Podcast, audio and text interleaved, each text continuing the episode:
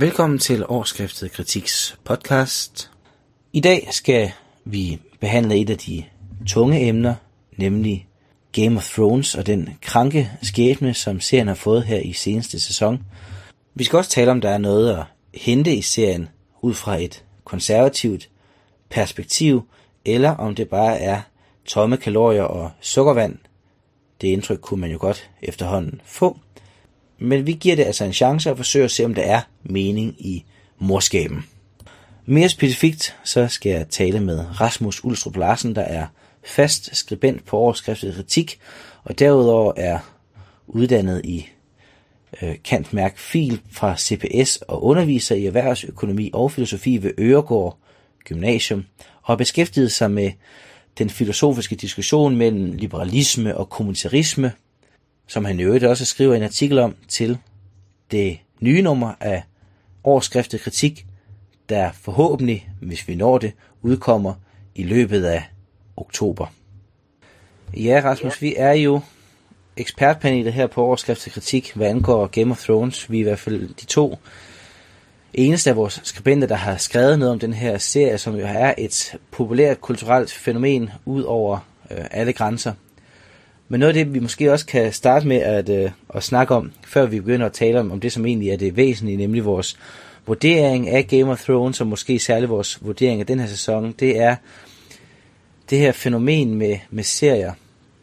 For der er en grund til, at, øh, at Game of Thrones er blevet det fænomen, det er, øh, det er blevet. Og en af grundene til det, det er jo, at det er ligesom om, ja, det er jo ikke særlig, det er jo ikke fordi, det er en særlig ny og revolutionerende ting, jeg siger her, men det er ligesom om, at serier har overtaget den plads i øh, populærkulturen, som film tidligere havde, i hvert fald hvis vi, hvis vi sammenligner de serier, der er øh, lige nu, med de film, der har kørt hen over, hen over sommeren. Jeg ved ikke, har du været i biografen her til sommer? Øh, ja, jeg var inde til, til Dunkirk. Ja, og det er præcis det, den eneste film, som har været værd at se øh, ja, hele sommeren, og jeg tror også, det er et af de eneste film, der ikke har floppet hen over sommeren. For ellers så har det været ja. sådan noget som øh, Baywatch-filmen, den har du ikke set, vel? den, skulle være, den skulle være forfærdelig, jeg har heller ikke, jeg har heller ikke set den. Så er der kommet Pirates of the Caribbean 30 eller 30 eller et eller andet, og øhm, den er der vist heller ikke nogen, der har set. Så er kommet en ny Transformers-film, den er der vist lidt flere, der har set, men, men heller ikke så mange, som man kunne have, have forventet. Nej. Så kom der en forfærdelig film, igen har jeg hørt om Kong Arthur, som øh, fuldstændig øh, ruinerede det selskab, der lavede filmen. Så er der kommet, du har, du har sikkert set den her, The Emoji Movie, har du set den? det har jeg heller ikke, men jeg har set plakaterne for det. Det er sådan en film om, øhm, om de her emojis, som du ved, de der humør øh, smile ikoner, som, ja, som de unge bruger, når de øh, kommunikerer på det, der hedder internettet. Der har man øh, åbenbart ment, at det var et substantielt tungt nok emne til at lave en, en animationsfilm om. Og den her gudskelov, det siger noget godt om vores øh, kultur og vores civilisations overlevelsesmuligheder, så har det gudskelov også været et flop. Ja, det var, det var godt. Et af de allerstørste flop her til sommer, det har vi jo, øh, det kan vi være stolte af som danskere, det har vi en finger med i spillet med. Det er nemlig den her indspilning af Stephen Kings The Dark Tower, som har fået forfærdelige anmeldelser, og der er ikke rigtig nogen, der har givet os se den i biografen. Det er vores øh, ekstremt øh, middelmodige danske instruktør Nikolaj Arcel, der har instrueret den, og det er jo gået, som man kunne forvente, nemlig at det blev en ekstremt middelmodig film. Så altså, det, der er sket, det er, at øh, biograferne satser på det sikre, nogle øh, populære kulturelle masseprodukter, fordi at de er bange for, at øh, folk, og der tænker de især på unge, de ikke vil gå i biografen, hvis ikke der er de her populære kulturelle masseprodukter. Og det har egentlig virket, altså den her situation har været i nogle år, det har egentlig virket frem til nu, men nu står vi i sådan en situation, hvor de simpelthen har, har presset så mange dråber ud af de her gamle slatne citroner, at folk ikke gider at gå i biografen længere.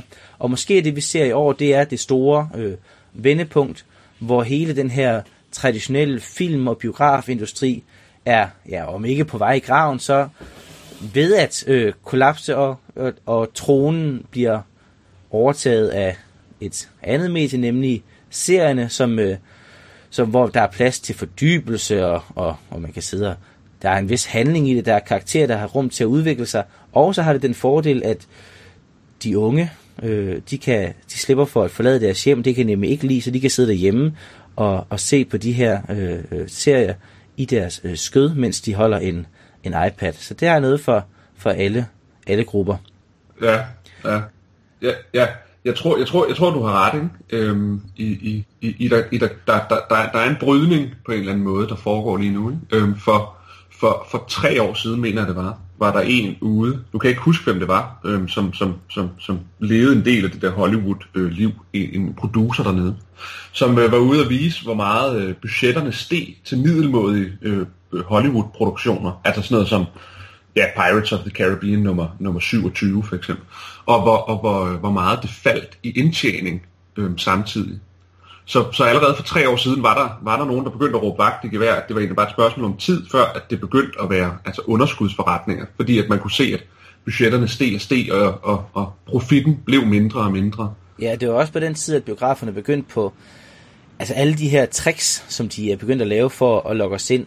IMAX og øh, ja, 3D og roterende ja. sæder og øh, ja. jeg ved ikke, jeg ved ikke ja. hvad. Og det, der er jo altså der er noget dejligt for sådan nogle øh, reaktionære folk, som også er der noget dejligt bekræftende ved, at folk de ikke gider at ja. gå ind i biografen og øh, øh, snurre rundt på deres øh, sæde, mens at de bliver masseret under fødderne. Øh, ja.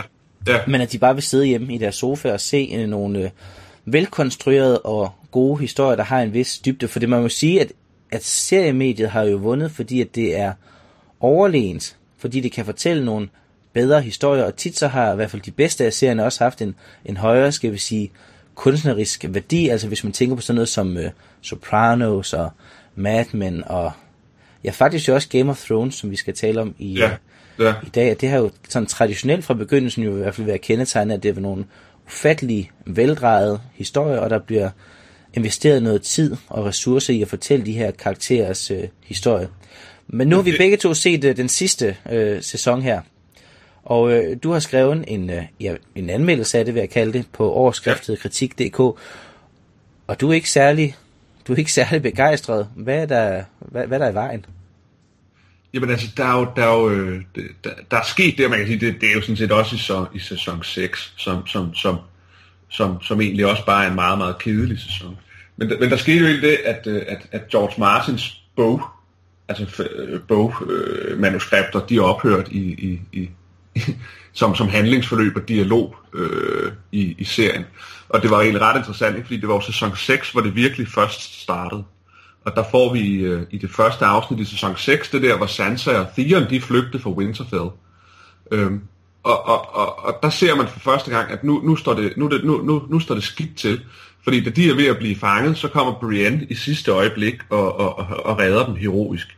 Ja. Og, og det, har man, det har man ikke gjort de første fem foregående sæsoner, og så kommer det allerførste afsnit, hvor man har droppet George Martin, fordi der ikke var mere at tage fra, og så skulle forfatterne selv skrive. Og så i første afsnit, så får vi sådan en Hollywood-redning i sidste øjeblik af vores, øh, af vores, af vores hovedkarakter, og kan ånde lettet op. Og jeg, jeg sad inde på et filmforum på det tidspunkt, sådan et godt gammeldags filmforum, der ikke var en Facebook-gruppe, og så skrev jeg derinde, at hvis det her det er, af det, vi kan forvente, så, så, så, er, der, så er der sket en, en ekstrem dogenskab i, øh, i, i manuskriptforfatternes øh, arbejde. Og så så man jo så også efterfølgende, at det er jo så bare sådan, serien den har udviklet sig nu, at nu bliver allerede det sidste øjeblik. Så det var ikke bare en engangsforseelse, der blev varslet der i første, første afsnit. Nej, man må faktisk sige, at du har været tidlig ude i din kritik, for jeg kan huske øh, anmeldelserne af 6. Øh, sæson, og er det ikke også i slutningen af 5. at øh, forledet for bøgerne ligesom stopper? Hvor er det det her massemord på de her folk inde i katedralen, det finder sted? Det er i slutningen af 5. sæson, ikke sandt? Nej, nej, det er slutningen af 6. Det er slutningen af 6. sæson? Ja. Nå, okay, men så er jeg helt rundt på gulvet. I hvert fald så, øh, så, så, så kan jeg huske, at anmelderne af serien egentlig var forholdsvis positive, og der var også folk, der har skrevet det, at der stadigvæk folk, der har skrevet i syvende sæson, at det er først nu, den begynder at minde om en rigtig tv-serie, altså hvor man har haft et horn i siden på den der kompleksitet, som serien ellers har haft, men jeg er fuldstændig enig med dig, at den er, den er sådan blevet lidt, lidt flad her på, øh, på det sidste. Ja, og det, og, det, og det er den jo også sådan blevet, fordi man kan sige, en ting er, at der er lidt for mange helteredninger i sidste øjeblik af vores, vores elskede karakter. Ikke? Men den er jo også blevet, blevet æstetisk irrelevant. Altså den, den, den, den har ikke nogen, øh, hverken øh, sådan rent øh, visuelt eller lydsidemæssigt, øh, nogen flotte scener længere, altså nogen, der bare fylder os med, med, med sådan et, et altså det, man kalder for et æstetisk velbehag, vel? Som, øh, som den havde i de tidligere sæsoner. Øh, vi fik en enkelt scene her i sæson 7 til sidst, hvor det begyndte at sne i Kings Landing. Der, der, der nåede de lige at, at give den 20 sekunder med, med, med, med en lækker, sådan, hvad kan man sige, overjordisk atmosfære simpelthen, som, som var rar. Ikke? Men, men det var også det, de gav De gav os 20 sekunder øh, af det. Det var det, de kunne præstere. Hvor tidligere var der jo flere, altså flere øh, handlingsforløb, der i sig selv var øh, æstetisk øh, lækre at, at følge, simpelthen, fordi alle scener og alle, øh, alle altså kameraføring, lydsiden og så videre var lækkert, og det har man jo kottet væk nu, simpelthen. Ja, det er der ikke tid til. Øh, det er der Nej. ikke tid til, øh, til længere. Det er altså, jeg, jeg tror, der hvor kæden for alvor hoppede af for de fleste, det var i det her afsnit, hvor de var oppe og udføre den her i øvrigt fuldstændig latterlige, øh, fuldstændig åndssvage plan, øh, som øh, Tyrion har udtænkt, at de skal op og fange en af de her zombier, eller hvad vi skal, ja. vi skal kalde af de her døde kriger, de skal fange dem og, og sætte den i en kasse og slæbe den ned til, til Cersei nede i King's Landing, så hun kan blive overbevist om, at hun skal alliere sig øh, med dem. Og, og det planen er, altså, altså det er jo en abe, det er en abe, der har skrevet den plan. Øh, det, øh, og jeg tænker ikke på, på Tyrion, men jeg tænker på manuskriptforfatterne. Altså det er jo fuldstændig, fuldstændig ja hul i hovedet, åndssvag plan, og, og det, eneste, det eneste gode ved den her plan, det er jo, at, øh, at serien i det mindste har mod til at vise, at det er en dårlig plan, fordi den ikke virker. Den virker hverken, hvor de skal hente den her øh, zombie-ting, og den virker heller ikke særlig godt til at overbevise Cersei om, at hun skal alliere sig med Daenerys, fordi godt nok så bliver de alle sammen frygtelig bange for øh, og den her zombie, og de betyder for, at nu må vi stå sammen, men det var kun cirka øh, det var kun cirka to minutter, så har de her øh, ADHD-ramte manuskriptforfattere, der har, der har konstrueret den her scene, så har de glemt den her angst, og så, så er de, vi pludselig over i, i en anden boldgade, hvor det er intriger og konspirationer, der, der fylder igen. Men det, det, var, det var et sidespor. Det er den ja. scene, hvor de er oppe og hente den her zombie, at det hele øh, kører i grøften, altså hvor, hvor de bliver omringet af den her her af, er døde, men heldigvis så bliver de reddet, fordi at de, de sender, hvad hedder han, Gendry til at løbe gennem den her ødemark, som åbenbart har et, et areal på omtrent 500 meter. Så løber han lige hjem til, til muren og, og tager mobilen og ringer efter en drage, og så kommer dragen og, og rester den her her af, af døde. Og det er jo altså, det er jo fuldstændig, det er jo fuldstændig håbløst. Ja, man, man, man, kan, man kan simpelthen undre sig over, fordi, fordi det, det, det er jo ikke særlig svært. Hvis, hvis, de vil have, hvis de vil have en fed scene med dragerne, øh, der var nord for muren, fordi, fordi det i sig selv Øh, øh, øh, skabte en, en speciel følelse at se, at, at, fordi man har jo tvivlet på som ser, hvad kan dragerne, når de er uden for, for den verden, de hører til i, ikke? altså at være nord for muren. Og det fungerer jo fint at lave den præmis, men man kunne lave den meget mere smart. Altså, altså det, det, det, det, det krævede da bare, at, at, at de kunne bare, hun kunne bare have sagt, hende Daenerys, nu, nu flyver jeg op øh, og ser, hvad der foregår der på den anden side af muren, for at se, om, om det er rigtigt, det her. Og så kunne hun få øje på dem, og så kunne hun flyve tilbage igen. Og så havde man ikke haft sådan et dumt plot, hvor de skulle op og kidnappe zombier. Altså, altså man kunne gøre det meget nemmere og, og meget mere smart end, end det. Men, men der var jo nok en instruktør, nogle manuskriptforfatter der, der var inspireret af et eller andet en gammel western-tema, hvor, hvor, hvor, hvor syv gunslingers skulle stå på række mod, øh, mod skurkene. Altså det kunne man forestille sig en, anden, en eller anden uudledet fantasi simpelthen, ikke? Ja, Som, eller, eller en, en rollespilstrop, altså det er jo det, det er, ja. sådan forskellige, ja. forskellige egenskaber, så tager de på et eventyr, eventyr ja. sammen, og det kunne sikkert også have været meget fint, hvis, øh, hvis det her eventyr havde varet mere end en, end en episode. Ja, hvor man kunne, kunne, kunne tilbagelægge øh, enormt store distancer på, øh, på ingen tid. Og det, og det har også været sådan den almindelige kritik, det, det begyndte anmelderne jo også at få øjnene op for, ikke? at de synes, der blev bevæget sig meget store distancer på meget kort tid. Øhm, og det er jo også, altså det, det, den der øh, suspension of disbelief, den fungerer jo ikke rigtigt, når, øh, når, når, når man sådan rykker på, på, på naturlovene i serien, som har været opbygget i, i, i seks sæsoner. Der er ikke nogen tvivl om, at den rigtige plan jo havde været at sætte de her drager til at riste Kings Landing fuldstændig. Altså, smadre yeah. den, kast, kast bomben, og så yeah. slutte fred med Japan bagefter. Det har vi yeah. set tidligere, at det virker, yeah. og, øh, og serien havde været, øh, man kan sige, det har været mere interessant ud fra sådan et, øh, ud fra sådan et, et perspektiv, hvor man lægger vægt på etiske dilemmaer og politiske handlemuligheder, som er noget af det, der har fyldt i, i serien uh, tidligere. Den har været god til at overveje de her ting, og det er også noget af det, du har skrevet om i din, ja. uh, i din, uh, i din anmeldelse. Kan du prøve at komme ind på nogle af de, de ting? Ja, altså, altså det der er mit udgangspunkt, det er, at, øh, at den måde, jeg altid har vurderet, øh, øh, nu har jeg så altid gået meget op i film, for eksempel, ikke? Øh, øh, så den måde, jeg altid har vurderet sådan film på øh, og serier på, det er simpelthen, gør de, gør de mig klogere. Altså det er sådan helt banal, øh, øh, øh, øh, hvad kan man sige, øh, måde at, at vurdere, om noget er, er, er godt eller dårligt, det er simpelthen, om det gør mig klogere. Eller, eller så kan man så også sige, eller har det så et æstetisk, er det et æstetisk mesterværk?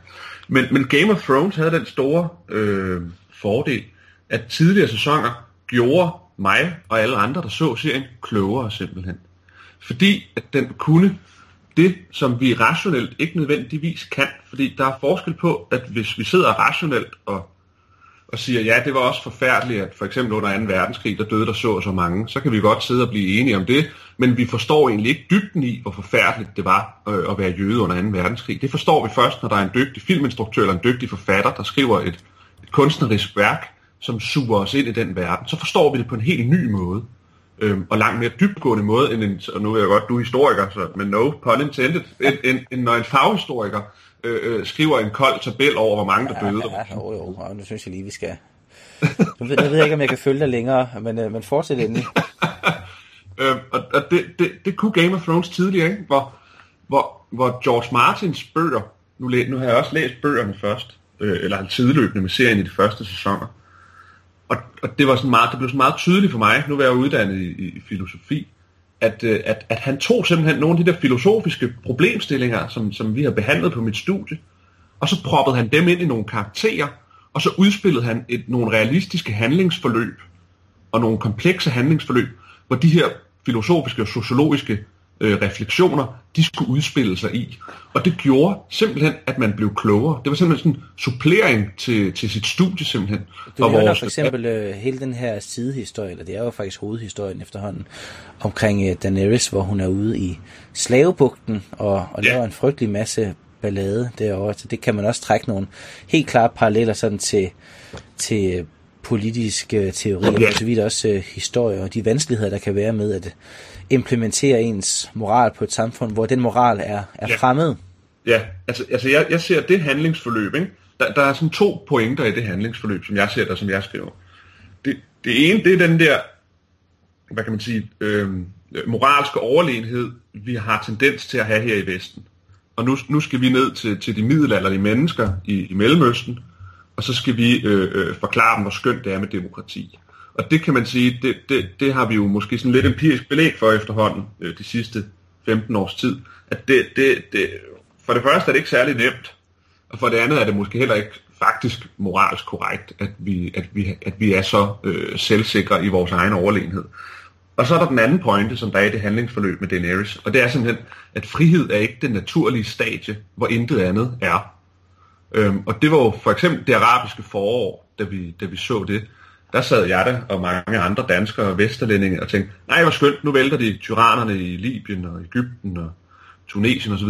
Nu vil der komme frihed og demokrati. Ikke? Vi havde sådan en idé om, at når, når intet andet ondt er, så er frihed. Og, og det viser sig jo også at være usandt, fordi så kommer der bare noget nyt ondt til. Øhm, og det viser den her jo også, øh, den her serie her, at når tyrannerne fjernes, så, så kommer der bare noget nyt ondt, ondt eller ondt, og her var det så i den her serie, de unge, der så begyndte at tæve de gamle og stjæle for dem, og så kunne de gamle sulte øhm, i, i, på gaden, selvom at de var blevet befriet af, af en moralsk overlegen hersker. Og der ser jeg nogle meget, meget dybe slag til vores øh, politiske virkelighed i virkeligheden, hvor den så tager de her diskussioner og sætter dem ind i et handlingsforløb, som er enormt troværdigt, ikke? så man som ser kan sidde og se, åh oh, gud ja, der, der er sgu nok en pointe med, med den kritik af, af vores måde at gøre det på. Det er sådan, jeg ser det handlingsforløb i, i slavebugten i hvert fald. Som øh, jeg vidste at komme til at afsløre over for dig ved en anden lejlighed, så er jeg, så er jeg både enig og uenig i, øh, i den der udlægning. Hvis vi lige tager den øh, helt kort, ikke at vi skal, ikke at vi skal snakke alt for længe om Nej. det. Men, men for mig at se, så fastholder bøgerne og serien jo i virkeligheden, at hendes mål er moralsk forsvarlige den frihed, hun tilbyder de slaver, er bedre end det slaveri, de havde før. Men det, som den går ind og peger på, det er, at det er vanskeligt at tilvejebringe det her. Man kan ikke tro, at man bare kan komme med en drage og så kaste friheden ned over de her folk, som ikke kender til det. Altså, der er en hel masse vanskeligheder forbundet øh, med det. Nogle processuelle overvejelser, man bliver nødt til at, øh, at øh, gå ind i, hvis man vil øh, fuldføre det her projekt. Så der tror jeg måske i virkeligheden sammenligning er måske ikke så meget mellem Daenerys og så øh, den her vores øh, indsats i, øh, i Mellemøsten i dag. Men måske kan man mere sammenligne hende med sådan en Abraham Lincoln-type, som øh, også havde nogle idéer om, at slaveriet var øh, forkasteligt. Ja. Og som realiserede de værdier, men det havde en omkostning at realisere de værdier. Man vil jo stadigvæk fastholde, at værdierne var korrekte at realisere. Men i hvert fald det, som, det, som jeg synes er en af seriens store kvaliteter, og det tror jeg, vi er enige, det er det her med, at den jo i hvert fald indtil nu jo ikke har valgt den nemme udvej og bare sagt, jamen hvis man gør det rigtige, så går det godt. Ja, det er altid vanskeligt at gøre det rigtigt, og nogle ja. gange så spænder det, vi gerne øh, vil, vores idealer, spænder ben for vores, øh, vores høje idealer, spænder ben for vores vores øh, muligheder for at realisere de selv samme øh, idealer. Ja, og, det, og det, den, den, den side af det har, du, har du også helt ret i, men det er fordi, jeg hæfter mig jo specielt ved den ene scene, hvis, hvis vi lige skal fortsætte med den der slavebugten der, med, med ham slaven, der, øh, der får foretrædet fra Daenerys. Og det han jo egentlig siger til hende, det er, at han siger, mit liv var bedre som slave end som fri. Og, og, og, og den dialog, der er der, er mere, sådan som jeg tolker det, men, men det er selvfølgelig også bare en enkelt scene ud af, ud af, ud af hele handlingsforløbet, så man kan sige, hele handlingsforløbet siger jo overordnet set, der har du ret, den siger, jo, det er et retfærdigt projekt, hun er gang i. Men den scene siger, øh, øh, et eller andet form for kritisk indvending imod, om det nu også er, er, er, er både godt og, og, og retfærdigt for alle at, øh, at gøre det. Så man kan sige, du har jo ret i, at overordnet set siger at hendes projekt er sympatisk, ikke? og hun har retfærdigheden på sin side men, men der er også, der er også øh, nogle kritiske refleksioner, man kan gøre sig over, om det er så overlegent øh, med retfærdigheden og moralen på hendes side. Hvor den her scene med ham slaven, der siger, at før var han, var han noget, ikke? han havde en identitet, han var noget for børnene og, og herren i huset, hvor han var slave, og nu er han ingenting. Nu er han bare en ligegyldighed og en gammel mand, der bor på gaden. Og han vil egentlig gerne have lov til at være noget igen som slave. Øhm, og der bliver hun jo tvunget til i serien at sige, okay, det tillader jeg så, at du gør, fordi jeg kan godt se, at, øh, at jeg er kommet her faktisk og har ødelagt dit liv fuldstændig ved at, ved at bringe retfærdighed til, til verden. Jeg tror, altså serien afviser jo i hvert fald det her med, at man kan lave en eller anden politisk omvæltning, og så træder man ind ja. i en paradisisk lykketilstand, hvor problemerne ja. ikke længere findes. Fordi det, som den scene viser, det er jo, så løser man et problem, og så opstår ja. der nye problemer, som så skal håndteres. Det stopper simpelthen aldrig. Øh, du har sikkert læst det her interview, som George R. Martin han har givet til, jeg tror det er til um, Rolling Stones eller sådan noget i den dur, øh, hvor han sammenligner sit univers med med, med Tolkien, hvor han jo netop øh, lægger afstand til den måde, som Tolkien for eksempel beskriver Aragons øh, regeringstid efter, efter den handling, som vi ser udspille sig i, i Ringenes Herre, hvor han siger blandt andet, at Tolkien kan sige, at Aragorn han bliver konge, og han regerer i 100 år, han var vis og god, men Tolkien stiller ikke spørgsmålet, øh, hvad var Aragons skattepolitik? Havde han en ja. stående her? Hvad gjorde han, når der var øh, oversvømmelser og, og hungersnød? Og hvad gjorde han med alle de her orker. I slutningen af, af krigen, så er Sauron væk, men orkerne er der stadigvæk. De er i bjergene. Begynder Aragorn systematisk at lave folkemord på de her orker og dræbe dem alle sammen, selv de små babyorker i deres små øh, baby orke øh, kryber. Altså det er det, som, øh, det er det spørgsmål, som George R. Martin han, han, øh, han rejser. Så det er sådan et, et opgør med den her paradisiske lykketilstand, som, som man kan sige jo i hvert fald er til stede i, i Tolkien, og også sikkert, det er ikke noget, jeg har læst særlig meget, men også sikkert i rigtig meget andet fantasy, Tolkien, epigon, øh, litteratur. Og jo også i vores politiske, vores politiske tænkning. Hvis vi bare gør det her, hvis vi laver det her politiske tiltag, hvis vi laver den her lille revolution, eller omvæltning, omvæltning eller disruption, jamen så, så bliver alt, øh, så bliver alt godt. Så kan vi rejse ja. til Mallorca og leve lykkeligt til vores, til vores dages ende. Men vi får aldrig lov til at rejse til Mallorca. Nej, og der kan man sige, George Martin, at man, kan, man kan jo tage det på en eller anden måde og sige, i virkeligheden så er det jo ideologikritik, ikke? Altså, det, det, det er, det, det, det er sådan helt grundlæggende, at, at, at, at, at, at det egentlig bare ideologikritik. At, at der er altid, Sisek for eksempel, han har en teori om, at der er altid en sprække i verden, og ideologier opstår, når vi forsøger at fortælle, hvor sprækken er i verden, og at hvis den sprække lukkes, så bliver alting godt. Og det der så Siseks pointe, det er, at den sprække kan ikke lukkes, fordi så kommer der nye sprækker, der gør, at vi bliver ved med at have en ideologisk forestilling om at kunne, så at sige, lukke sprækkerne i verden og gøre verden bedre. Og det er jo øh, det, George Martin han også siger. Ikke? Han siger, alle de her sprækker, vi har, at hver gang vi forsøger at lappe den, så åbner der så nogle nye sprækker nogle andre steder, og dem, dem kan vi ikke lappe. Så, så i sidste ende, så det eneste vi kan, det er at prøve at være pragmatiske og realpolitiske, og prøve at, at, at, at, at skynde os at sætte nogle plaster på forskellige steder og holde nogenlunde øh, form i, i, i samfundet. Og så må vi tage alt det med, der nu engang følger med, og forsøge at gøre vores bedste. Det, det, det kunne man jo godt sige, at det, det er sådan den måde, han, han bedriver ideologikritik. Ikke? Ja, i virkeligheden så er det jo en, øh, en, altså, det er jo en grundlæggende konservativ øh, ja, pointe, det er det, der ligger, der ligger i det her.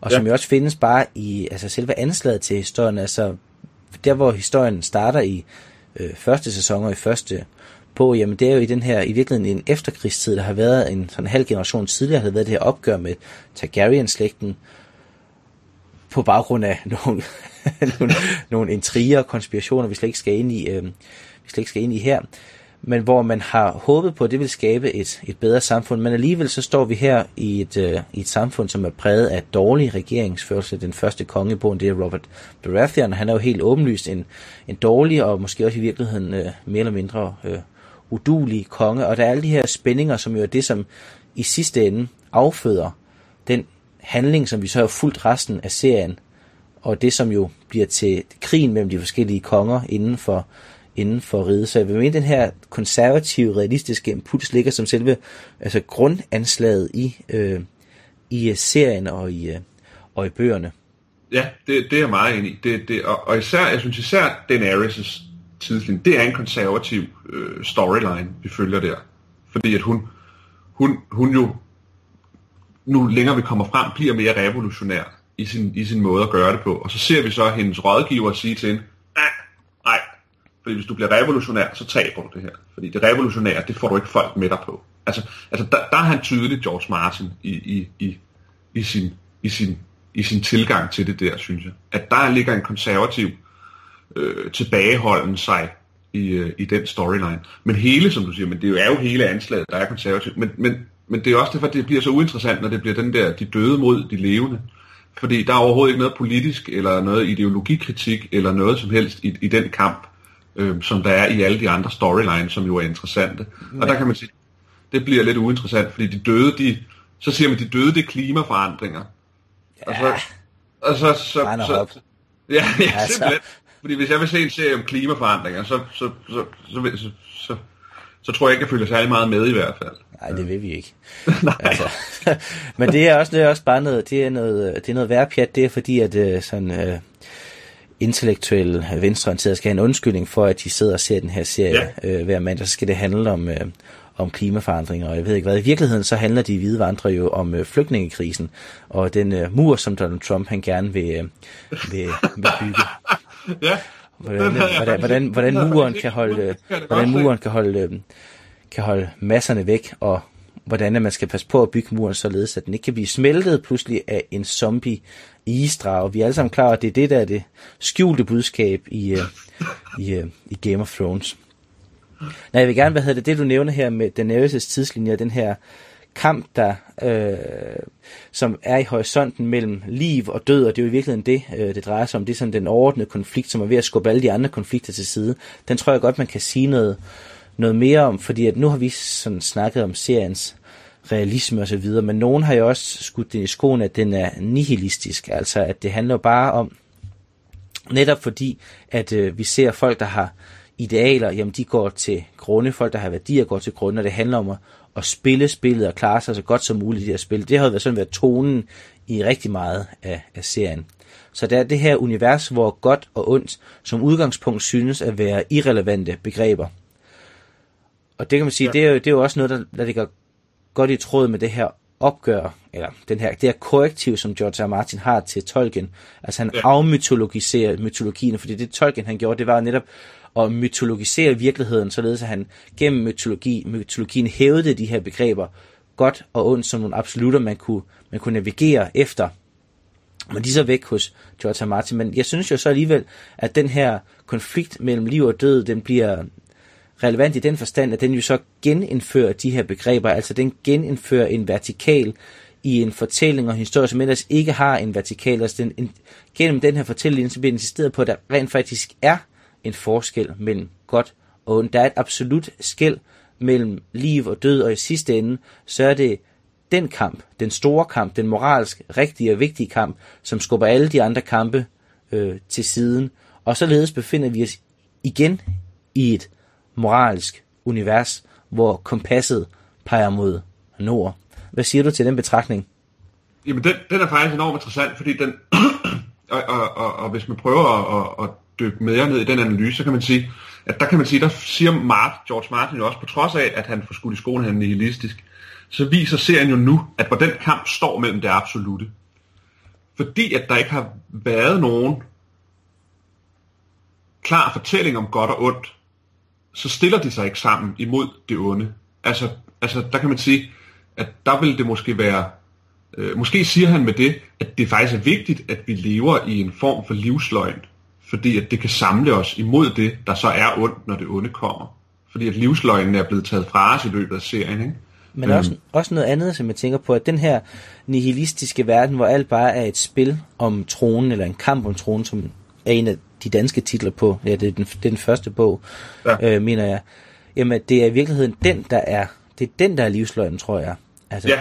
Fordi at det er den, der er sat oven på en verden, hvor begreberne godt og ondt er relevante absolutter, man må orientere sig efter. Fordi der ligger jo under al den her kamp, alle de her intriger, alle de her konspirationer, der ligger der en virkelighed, hvor der er hvide vandrere nordpå, Ja. Og der er nogle ja. mytiske fortællinger om den her Azor Ahai, den her, hvad hedder ja. det, øh, lys... Øh, Frelseren, der lys kommer frelser type, som, øh, som, som er blevet profeteret, og som jo til synligheden er på vej, og som altså er, ja. ikke, ikke bare er en øh, sådan en eller anden obskur, obskur myte, som, øh, som, som udtryk for en eller anden eskapisme fra folk, der ikke vil forholde sig til virkeligheden, men som netop viser hen til virkeligheden, fordi den viser bort fra det her, øh, den her nihilistiske tummelplads, som kampen ja.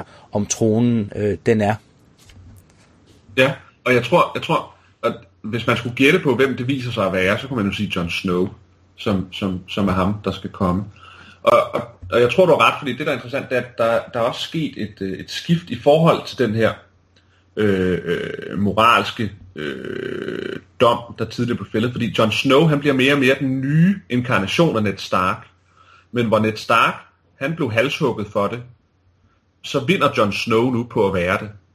Og der, der ser vi jo måske en udvikling i de her absolutter, der viser, at nu er den, der er god for godheden selv, eller godhedens skyld, at han, han, han lykkes faktisk også med det. Fordi Jon Snow, i sidste afsnit af, af sæson 7 her, hvor han begyndte at, at sige, at han kunne aldrig lyve, heller ikke over for sine fjender, fordi hvis vi lyver, så vil det ikke længere give mening at sige sandheden. Det er jo den der klassiske ja. øh, deontologi. Øhm, og, men han bliver ikke slagtet. Han, han taber ikke på det. Han ender faktisk med at komme igennem med sit projekt. Øh, tror han i hvert fald. Ja, han kan øh. også nå at blive halshugget endnu. Der kan ske ja, det kan han godt. Kan han godt. Men, men, men, men han stiger mere og mere i rang, og han stiger mere og mere, mere, mere i magt. Igennem serien, der er han blevet så at sige, belønnet for sin, for sin måde at være på, hvor Ned Stark han blev halshugget for det.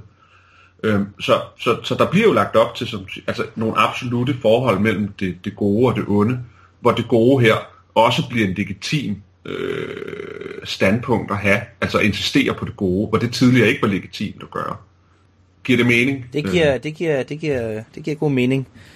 Så må vi se, om øh, manuskriptforfatterne til serien de øh, lytter til vores vise ord, eller om de vil fortsætte ufortrødent med at køre serien i grøften. Jeg vil sige, at jeg håber det bedste, men frygter det værste. Og hvis alt går galt, så kan vi jo trøste os med, at vi kun skal vente cirka 20 år, så er bøgerne sikkert færdige, og så kan vi se, hvordan det i virkeligheden skulle ende.